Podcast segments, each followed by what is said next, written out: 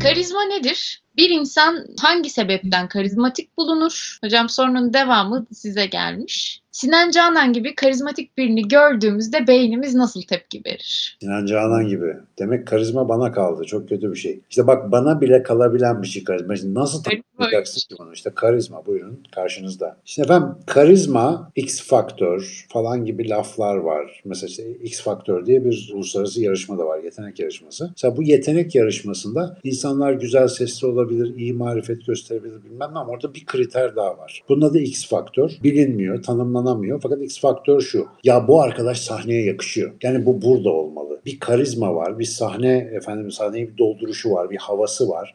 İşte onların hepsine birden. Mesela çok güzel olan, çok böyle yetenekli olan insanlar X faktörden elenebiliyor. Çünkü sahneyi doldurma ve insanları duygusal, görsel, bilişsel olarak etkileme kapasitesini tam sergileyemiyorlar ya da o noktaya tam ulaşamıyorlar. Karizma da böyle bir şey. Şimdi günlük hayatta bazı insanlar size etkileyici geliyor. Bakıyorsun tipi kayık, saçı dökük, dişi çarpık, bilmem ne. Ama yani bazen konuşuyor, bazen hal hareketi, bazen insanlarla iletişim kurma biçimi, bazen işleri yapış, bitiriş ya da liderlik ediş biçimi size bir değişik geliyor. Ama bu değişiklikte şöyle bir durum var.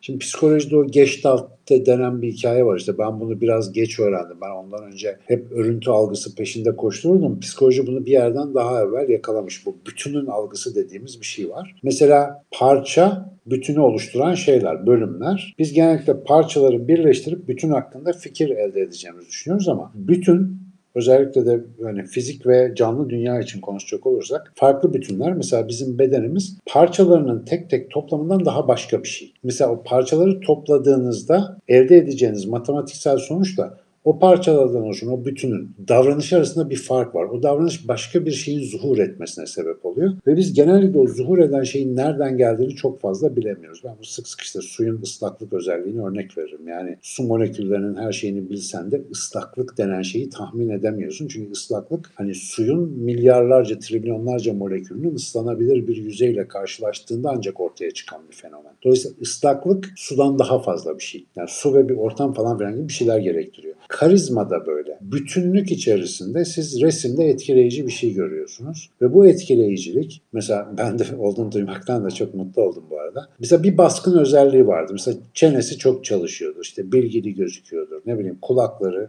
güzeldir falan. Baskın bir etken olarak gözükür ama esas karizmayı oluşturan şey bunların hiçbirisi değildir bütün havaya birden verdiğimiz isimdir. Mesela Hollywood'daki erkek oyuncuların bir kısmı karizmatik diye tanımlanırken bir kısmı yakışıklı diye tanımlanır. Hangisi mesela Brad Pitt desem. Şimdi Brad Pitt'e çoğu kişi yani adam zaten yakışıklılık konusunda hani tartışılmaz deniyor. Zevkler farklı bilemem. Bazı ondan hoşlanmayan kadınlar da varmış. Ben onlar için özel bir klinik açmayı düşünüyorum. Yani e, Brad Pitt olsam dava ederim valla. Allah özene bezene yaratmış. Onu da beğenmeyen kadın varmış. O insan türü enteresan. Yakışıklılığın yanında hatta ondan daha fazla bir karizmatiklikten bahsediyor. Çünkü mesela e, geçen kim söyledi? Brad Pitt'in rol yapması hakkında olma mertebesinde rol yapıyor deniyor mesela Brad Pitt için. Yani içine girdiği rolü oluyor artık. Ona dönüşüyor. Ve dolayısıyla o izleyen insanda böyle derin bir duygusal etki bıraktığı için o kişinin ismi, cismi, şekli, tavrı bir türlü gözünüzün önünden gitmiyor. Karizma ağırlıklı olarak insanlar arasında kendine güvenle ilişkilendiriyor. Yani kendine güvenli olma hali